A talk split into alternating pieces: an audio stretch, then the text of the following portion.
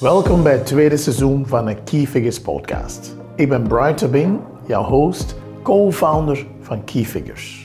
In deze podcast praten we met CFO's, finance directors en andere specialisten uit finance.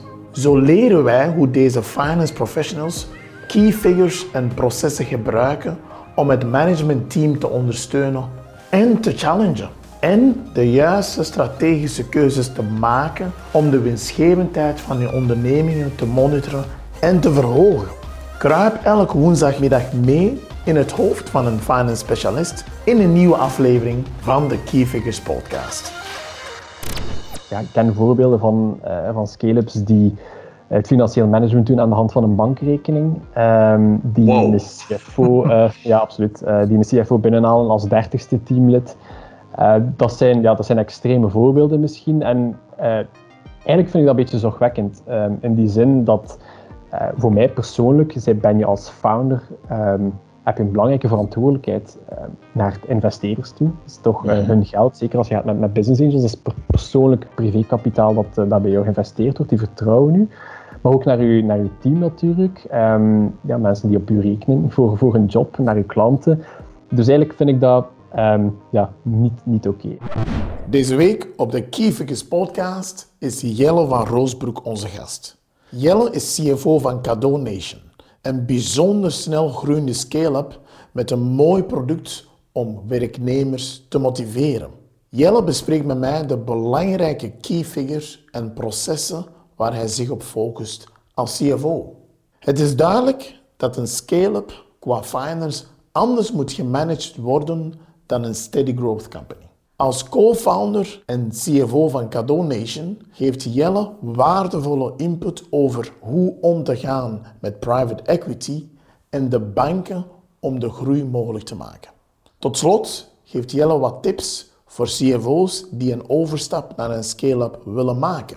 Veel plezier met dit waardevol gesprek met Jelle van Roosbroek. Jelle, welkom bij de Key Figures podcast. Ik ben, uh, ik ben heel blij dat ik uh, met een, een, een bijzonder snelle uh, scale-up uh, CFO aan het spreken ben.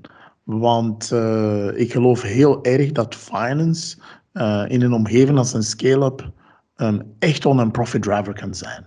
maar ik begin heel graag, altijd met dezelfde vraag. Wie is Jelle? Wat is jouw verhaal? Ik denk dat dat een zeer logische vraag is. Um, in deze context is, is, Jelle iemand die denk ik van uh, heel jonge leeftijd al geïnteresseerd was in finance. Ik heb eigenlijk uh, van jonge leeftijd mijn, mijn mama haar portefeuille beheerd, zelf beginnen beleggen ook. Daar een beetje de microben te pakken gekregen. Ik heb -hmm. financiële studies gedaan, twee financiële masterdiploma's behaald. En heel logisch om dan in de financiële sector, in het bankaire eigenlijk terecht te komen.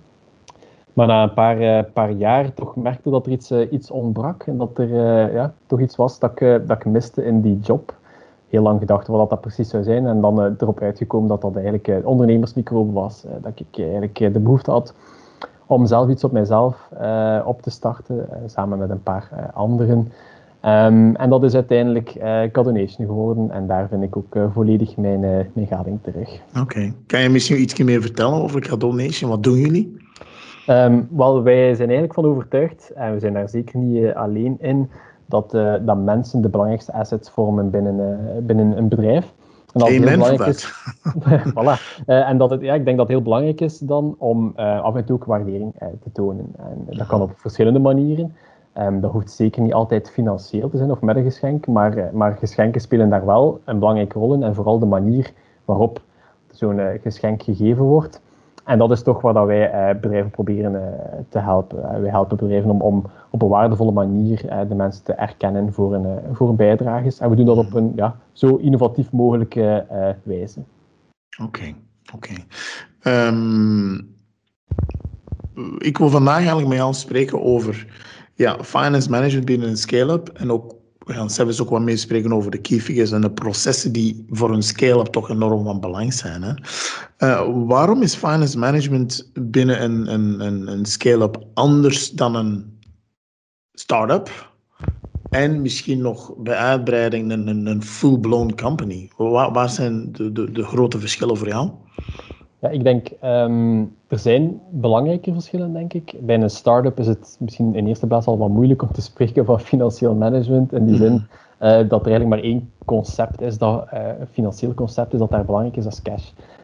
Um, cash, gewoon de cash en gerelateerde concepten, uh, zoals een burn rate en, en runway. Dat zijn zo wat de belangrijkste zaken binnen een, binnen een start-up, omdat daar echt de, de focus is om ja, zeg maar die product market fit te gaan vinden. Mm dus ook in die fase, als je daar met investeerders uh, moet overtuigen om in die start-up te gaan investeren, dan kijken die investeerders ook niet zozeer naar, uh, naar financiële aspecten, die kijken vooral naar team. Dus je moet vertrouwen hebben in het team. En dat is ook ja, logisch, want het, het product zal wellicht wijzigen en, en de, de financials of de, het idee dat daarover is, het businessmodel zal waarschijnlijk ook wijzigen, maar dat, dat team. Mhm.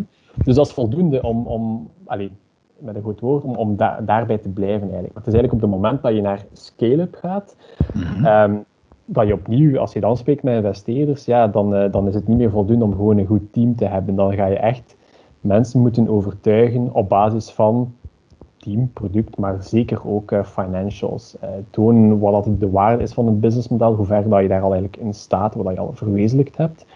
En dan worden concepten zoals um, omzet voornamelijk uh, belangrijk, want in start-up ja, is er vaak nog geen of, of, heel weinig omzet. En die omzet, dat wordt al heel belangrijk in een, uh, in een scale-up. Dan de, belangrijkste fase, en het zit in het woord zelf, het is groei. Je moet groei kunnen tonen en uh, groei kan zijn in uh, aantal gebruikers en zo verder, maar hoe je het ook draait of keert, op een gegeven moment uh, moet dat toch omzetten in iets financieel en dat is dan uh, omzet. Dus je zit dan eigenlijk in, een bepaalde fase, in die scale-up, de eerste fase van de scale-up, zeg maar, dat, je, dat die omzet heel belangrijk wordt. En als je dan nog iets verder uh, doorgroeit, dan gaan we meer richting, richting marge die belangrijk wordt en EBITDA uiteindelijk. En dat is dan ook eerder richting die, die steady growth company, waar dat die concepten -hmm. Belangrijk worden. Ja. We, we, komen straks zo terug op, op de key fees waar jij naar, naar verwijst. Hè. Vanaf wanneer is het voor jou interessant voor een scale-up die al in een bijzonder dynamische omgeving zit, maar vanaf wanneer is het belangrijk om het stuk financial management toch wel met een extra oog naar te gaan kijken? Ja, ik denk dat de, de mening daar misschien over zullen verschillen. Ik denk persoonlijk dat je heel snel te laat bent. Um, ja, ik denk, ik, ja, ik ken voorbeelden van, uh, van scale-ups die het financieel management doen aan de hand van een bankrekening. Um, die wow. een CFO, uh, ja, absoluut, uh, die een CFO binnenhalen als dertigste teamlid. Dat, zijn, ja, dat zijn extreme voorbeelden misschien. En eigenlijk vind ik dat een beetje zorgwekkend. Um, in die zin dat voor mij persoonlijk, ben je als founder heb je een belangrijke verantwoordelijkheid naar investeerders toe. Het is toch hun geld, zeker als je gaat met, met business angels, dat is persoonlijk privékapitaal dat, dat bij jou geïnvesteerd wordt, die vertrouwen u maar ook naar uw, naar uw team natuurlijk. Um, ja, mensen die op u rekenen voor, voor een job, naar uw klanten. Dus eigenlijk vind ik dat um, ja, niet, niet oké. Okay. Ik denk uh, dat, dat het belangrijk is om er snel genoeg in te beginnen, maar het is wel belangrijk om een onderscheid te maken, denk ik, in, in, in het financiële management kan je volgens mij opdelen in, in verschillende stukken. Het heel high level, het, uh, het, de zaken zoals fundraising, die heel belangrijk zijn, en misschien op een, op een uh, middle level niveau zaken zoals uh, business controlling, echt gaan die business unit gaan analyseren, zien wat erin zit en dan op een lager niveau misschien echt het, het uitvoerende praktische werk. Um, en ik denk eigenlijk dat je op elk van die drie niveaus heel snel eigenlijk um, best een oplossing kan hebben. Ja. En ja, dat is natuurlijk niet zo evident. En veel mensen zullen zeggen, wel fulltime iemand daarop gaan zetten, dat is zeker niet, niet, um, niet evident. Maar dat is eigenlijk de reden dat ik denk van ja, je hebt echt uh, een flexibele oplossing uh, nodig. Sowieso zijn er, en dat zal elke founder van meespreken, drukke en minder drukke periodes. Ja, als je bezig bent met een kapitaalronde, duurt al snel zes, misschien zelfs meer maanden. En dat zijn hele drukke periodes waar je heel veel vragen binnenkrijgt. En dat is natuurlijk de moment dat je bijvoorbeeld iets meer ondersteuning zou kunnen gebruiken. En als je dan een flexibele oplossing um, ter beschikking hebt en er zijn, er zijn mogelijkheden, dan uh, lijkt mij wel, uh, mij wel iets, iets goed. Ja. Oké, oké. Ehm, ik, ik geloof wel dat, dat de persoon die CFO is binnen een, een scale-up uh, echt wel een andere persoonlijkheid moet hebben dan een persoon die in een full-fledged, matured company aan, aan, als finance kapitein aan het werken is, wat voor persoon past eigenlijk bij de type CFO die, die een, een scale-up mee moet helpen sturen? Ja, ik, ik denk, um, ik kan me natuurlijk niet uitspreken over verschillende persoonlijkheden, maar ik denk degene die eigenlijk goed zou passen binnen een, een scale-up omgeving, dat is iemand die beseft dat die, uh, dat, dat finance geheel dat dat geen eilandje is. Um, dat is um, iets dat heel erg, hij moet heel als persoon heel erg betrokken zijn in de volledige onderneming en hij moet vooral, en dat vind ik wel heel belangrijk, hij moet geïnteresseerd zijn in alle verschillende aspecten van die onderneming. Hij moet die onderneming van binnen en van buiten kennen, want dat lijkt mij de enige manier om, en dat is echt wel een noodzaak, om overal een bijdrage te kunnen, uh, te kunnen leveren. En dat is effectief zo. In elk departement, um, als die persoon daarbij betrokken is, die heeft daar een interessante mening over en die zal, um, dat zal positief uitdraaien voor de, voor de volledige onderneming. Dus dat lijkt mij heel erg belangrijk dat er, dat er een soort van intrinsieke interesse is, niet alleen in dat financiële stuk, um, maar eigenlijk in dat, in, dat volledige, in dat volledige bedrijf. Mm. Hoe, hoe, moeilijk is het volgens jou om ja, in een typische scale-up er zijn misschien een aantal founders of, of het founders team is intussen wat gegroeid. Uh, laat ons hopen dat de CFO geen hire number 30 is, maar hire number 10, ja. uh, om het in die termen te zeggen. Hoe moeilijk is het voor een, uh, een founders team om te zeggen, kijk, dit is de persoon die, die wij zoeken voor die job? Um, goh, dat is een, een goede vraag. Ik denk dat ik denk dat het niet zo evident is om hem, om hem zelf zo te vinden. Ik las onlangs in een artikel uh, iemand die zei van ja kijk, uh, probeer een keer een, goede CFO te vinden voor een scale-up. Dat is helemaal niet evident uh, in België. In het buitenland is dat misschien, misschien anders, maar in België is misschien ergens, ik weet niet, het typische finance profiel is misschien niet Um, niet diegene die echt geïnteresseerd is in dat volledige bedrijf, niet, niet open genoeg is daarvoor, of niet, niet uh, veerkrachtig genoeg is misschien, ik weet het niet. Um, maar ik denk dat het niet zo evident is om, om, om, uh, om goede mensen uh, te vinden om dat, om dat te kunnen doen. En je hebt dan natuurlijk ook het stukje bij, ja, die flexibiliteit. Um, die, die moet er natuurlijk zijn. Ik denk als als scale-up in een heel lange fase geen fulltime CFO nodig hebt, Um, maar dan moet je dus wel iemand hebben die idealiter um, kennis opgedaan heeft bij een andere scale-up en die beschikbaar is en die die, uh, die kennis kan overdragen naar, naar, uh, naar jouw verhaal. Exact. Ja, ja, ik ben mee. Ik ben mee. Ik zou nu eigenlijk willen inzoomen op, op, op, op jouw rol als CFO bij, bij waar natuurlijk, omdat jullie qua groei zo snel aan het gaan zijn, um, um, is het heel belangrijk om, om inzicht te hebben van, kijk, dat zijn de key figures waar wij enorm, enorm uh, op misschien uurbasis, dagbasis, week, maand, kwartaal en jaar. Um, en, en hiernaast zijn de, de processen waar jij natuurlijk, aangezien dat je toch over heel de business alles wilt weten en moet weten om het goed te sturen, Um, waar je natuurlijk de nodige focus op hebt. Laten we beginnen met de key figures. Hè. Je, je, maakte dat helemaal in het begin van deze podcast al een beetje verwijzen naar. Wat zijn jouw key figures waar je enorm op stuurt? Ja, ik denk dat um, wij nu in de fase zitten. Ik sprak daar net over, over verschillende fasen. Ik denk dat wij nu in de mm. fase zitten dat, die, dat er echt heel veel belang wordt gehecht aan groei, um, aan omzet. dus dat is eigenlijk echt de nummer één op dit moment. Uh, niet zozeer cash. Ik denk dat cash eerder op de tweede plaats komt. Want uiteindelijk, als je omzet genereert, dan um, wordt, dat, wordt die cash een, een, logisch gevolg daarvan. Dus die wordt aangevuld. Dus uh, die staat dan op, op uh, nummer twee. Nog altijd heel belangrijk natuurlijk. Mm -hmm. Maar de omzetten, dat, dat blijft wel echt wel uh, absolute nummer één. Ja, oké. Okay. Uh, ik wou misschien even vragen, want um, ik, ik, denk dat het heel goed is, zoals je zei, um, het stuk uh, omzet ontwikkelen en cash. Maar waarschijnlijk um, is het voor jou even belangrijk het proces dat leidt tot, dat, tot die omzet. Hè? Ja. Uh, en dan kom je heel snel in, in uw, uw, uw funnel, kom je heel snel in uw pre-sales proces. Zijn daar ook bepaalde key figures die misschien meer een marketing tint hebben, maar die jij als, als, uh, als CFO natuurlijk met, met argusogen naar kijkt, omdat je weet, met een bepaalde vertraging gaan daar wel, uh, gaat dat leiden tot omzetten. Wat zijn die key figures dan? Nee, absoluut. Uh, ik denk daarover zaken zoals customer acquisition cost. Dat is een hele mhm. belangrijke in, in die context. En verder kijken we absoluut naar, naar conversiecijfers. Conversiecijfers, want je, je hebt het inderdaad over marketing, over sales. Um, wij hebben bijvoorbeeld een, een inbound proces opgezet waarbij dat iemand binnenkomt als, uh, als cold lead. Wat is dan de conversie naar hot lead? Wat is de conversie naar opportunity? Wat is de conversie naar um, offerte die gemaakt wordt en uiteindelijk naar, uh, naar closed deal?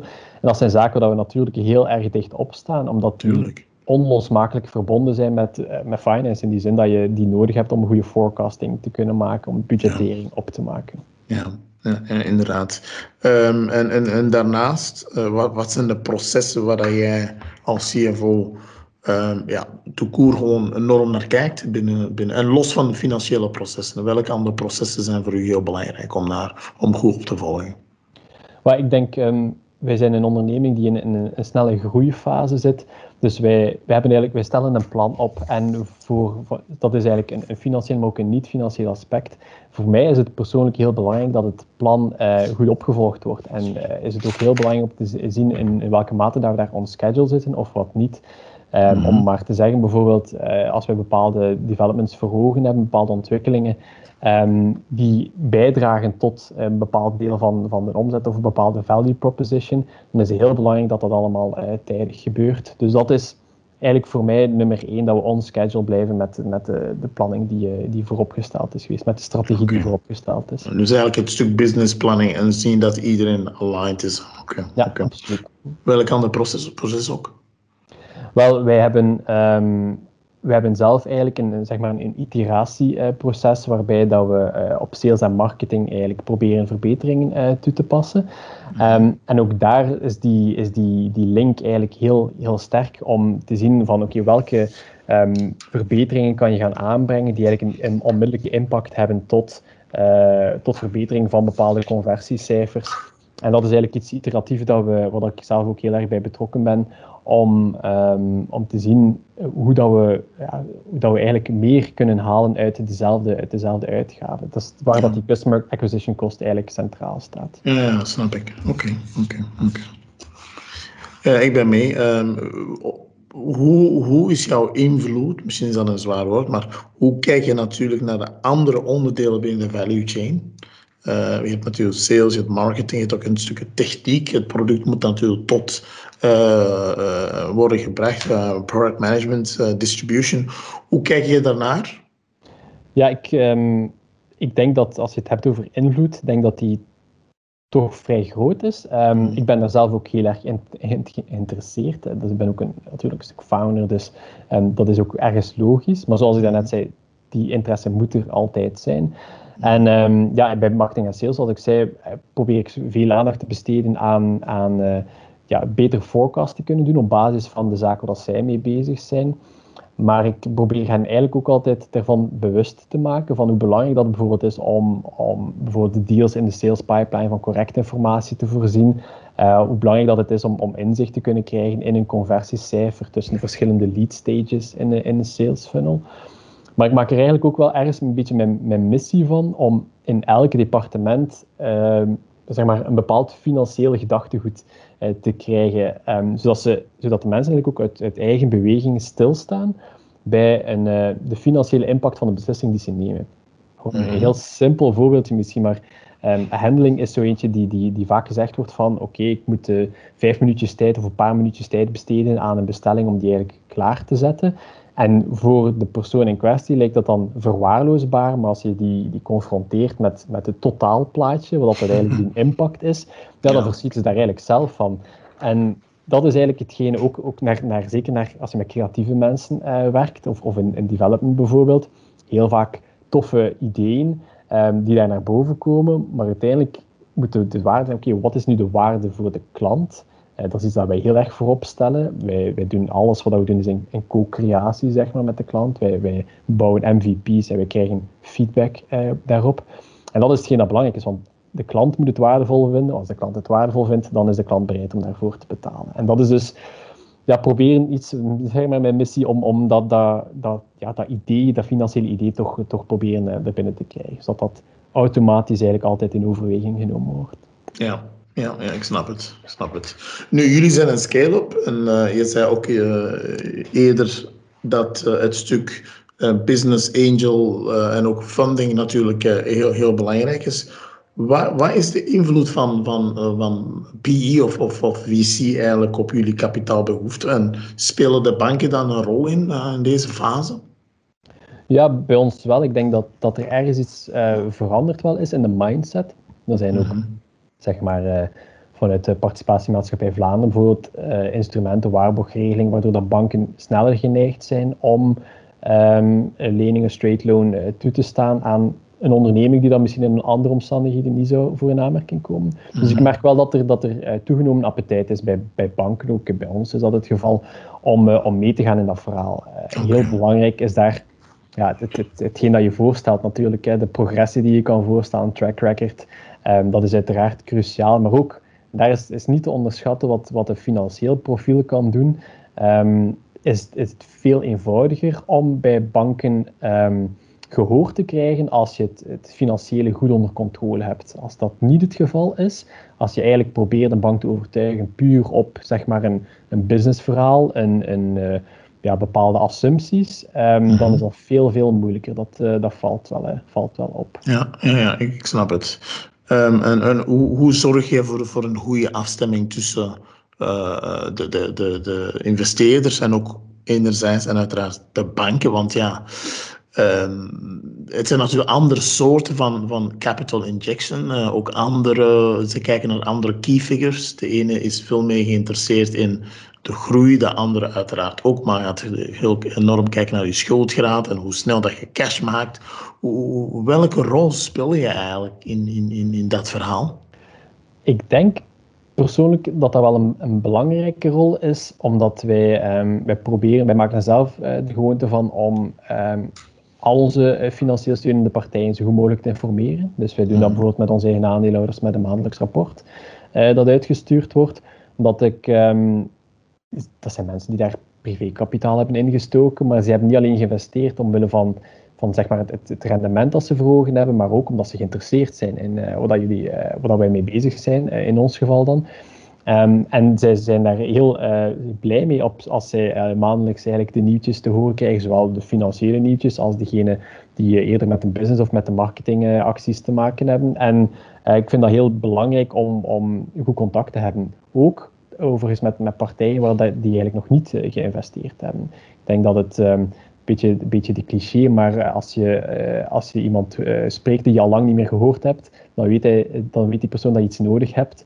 En bij de banken is dat net hetzelfde, denk ik. Um, ik denk dat het heel belangrijk is om uw, uh, uw huisbank, maar eventueel ook andere banken, altijd op de hoogte te houden van de evolutie, van waar dat je staat, in welke mate dat je uh, on target zit uh, of niet. Um, mag perfect, als er een, een, verklaring voor is.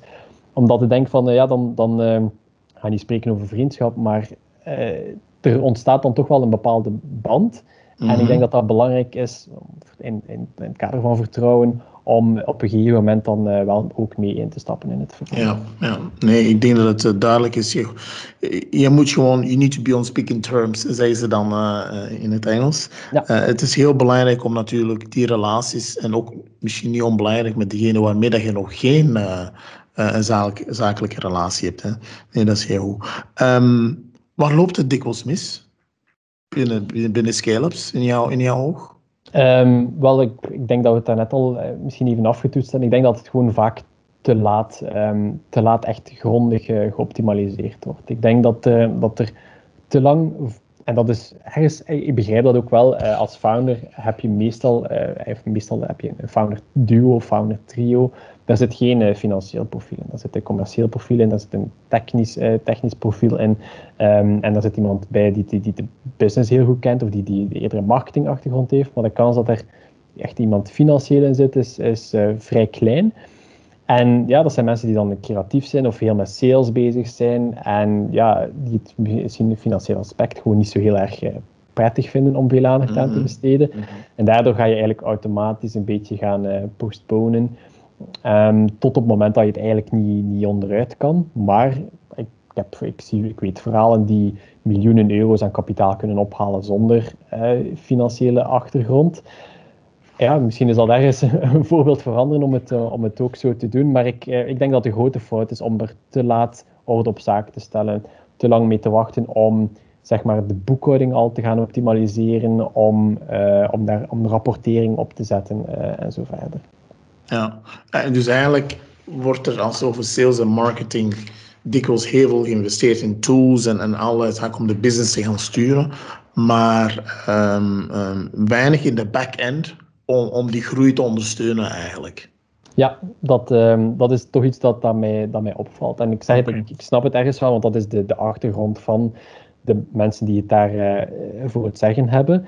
En ik begrijp dat ook uh, perfect, want bij ons, uh, eerlijk gezegd zelf, ik heb ook een financiële achtergrond, maar ook bij ons uh, werd bijvoorbeeld afgelopen jaar duidelijk van oké, okay, er moet heel veel energie gaan naar sales, naar marketing. En dat is voor ons ook de moment geweest om echt te gaan, te gaan ingrijpen. Ja, snap ik, snap ik. Uh, uw, uw, uw finance afdeling, hoe klein het ook mag zijn, moet ook meegroeien om, uh, om, om de groei te helpen bestendigen. Hè? Ja. Um, um, welke tips geef je aan, aan CFO's die ja, mogelijk de overstap naar een scale-up maken?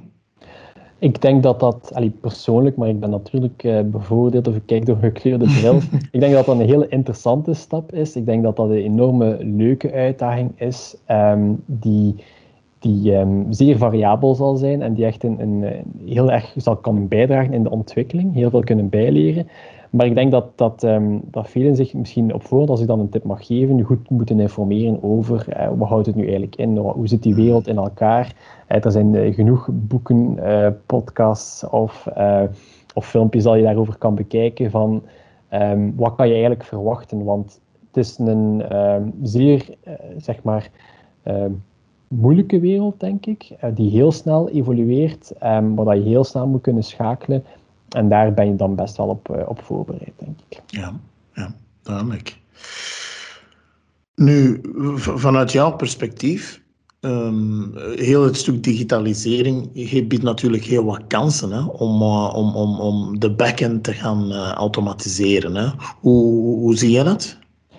Ik, ik denk dat, um, dat wij nu in die fase zitten, waar we ook heel veel hebben geïnvesteerd in uh, product, uh, product market fit, wat wil de klant. En um, dat zit goed en daar blijven we mhm. uiteraard in investeren. Maar we zitten nu ook in die fase dat we heel veel kunnen leren uit, uit wat dat we gedaan hebben of wat dat we, de informatie die we binnenkrijgen. Ja. En dat is iets waar wij nu wel de prioriteit aan geven om daar lessen uit te trekken, om uh, die gegevens, die data te gaan analyseren, om daar eigenlijk uh, beter, op basis daarvan betere beslissingen te kunnen nemen. Ja, ik ben mee, ben mee. Uh, Jelle, ik ben u bijzonder dankbaar uh, voor uw tijd. Uh, ik vind toch dat jij op een op, toch wel een, een, een, korte podcast heel wat value hebt gegeven en ook heel wat tips en tricks. Dus merci daarvoor. wat is jouw lijfspreuk? wat heeft weinig met, met finance te maken, maar mijn lijfspreuk is eigenlijk Fall sleep with a dream and wake up with a purpose. Um, ik heb, ben altijd fan geweest en ik probeer altijd aan mensen mee te geven om zoveel mogelijk uh, te dromen. Ik vind het heel jammer als mensen soms zeggen dat je, uh, dat je te veel droomt. Um, ik vind dat eigenlijk een heel belangrijk, want een, een, droom geeft u een doel, maar het mag niet bij dromen blijven. En um, ik denk dat het belangrijk is voor iedereen, of interessant is voor iedereen, om te weten wat hun purpose is in life. En, en als je die droom met die purpose kan verbinden, dan, zit je, dan zit je wel goed. Love it, love it. Jella, het was heel, heel aangenaam. Ik dank u uh, nogmaals voor uw tijd en uh, ja, heel graag uh, tot horens. en voor onze luisteraars, see you next time. Bedankt. Okay. Fijne dag. Bye bye.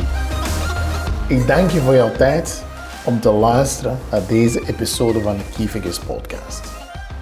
Ik geloof dat finance niet langer een kostcenter is, maar eerder een profit driver. Vanuit het Profit Driver gedachte willen finance professionals net zoals u hun management teams helpen te focussen op de key figures en processen die de strategie ondersteunen, met winst tot gevolg. Ik heb wel een vraag voor jou.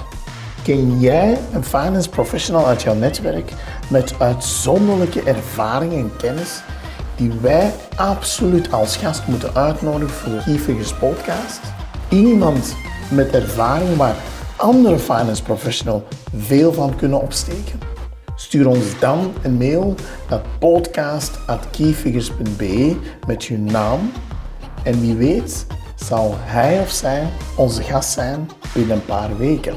We horen ook heel graag van jou welk onderwerp je graag behandeld wilt horen op deze podcast. Vond je deze podcast de moeite waard? Deel het dan binnen jouw netwerk.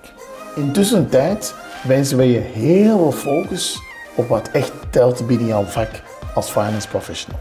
De key figures, processen en uiteraard jouw mensen. Tot snel.